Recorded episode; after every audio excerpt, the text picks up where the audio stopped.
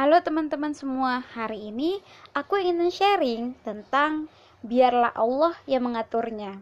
Aku tak mau berandai-andai karena aku sudah lelah dengan segala ekspektasiku.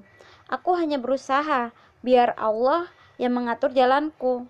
Dulu, aku pernah bercita-cita ingin menggapai sebuah hal.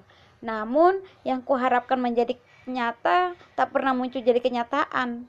Yang ada hanyalah rasa kecewa sudah cukup untuk waktu yang pernah kusia-siakan dahulu.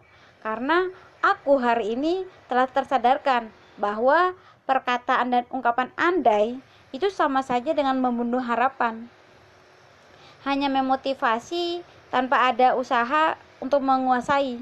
Biarlah Allah yang mengatur jalanku. Namun, usaha dan doa masih tetap menjadi kamus dalam hidupku. Ini hanya segelintir dari kisah panjangku mungkin ada benarnya dan semoga tersampaikan kepada teman-teman yang juga turut merasakannya. Teman-teman, ingatlah bahwa dalam hidup ini tugas kita sebagai hamba Allah ketika kita ingin mencapai sesuatu adalah berusaha dan berdoa. Cukup itulah ikhtiar yang kita lakukan.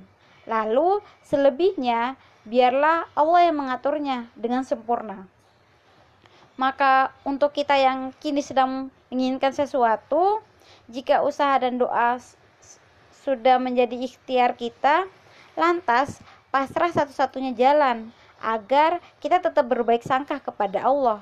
Biarlah Allah yang membuat semua rencana kita tegak kembali, sebab kita punya banyak sekali kekurangan, dan pada sisi Allah lah kunci semua yang gaib. Tidak ada yang mengetahui kecuali dia sendiri dan dia mengetahui apa yang ada di daratan dan di lautan. Dan sehelai pun yang gugur melainkan dia mengetahui pula dan tidak jatuh sebutir biji pun dalam kegelapan bumi yang tidak sesuatu yang basah atau kering melainkan tertulis dalam kitab yang nyata yaitu Laul Mahfuz. Nah, itu aja yang ingin aku sharing hari ini. Terima kasih telah mendengarkan podcast ini.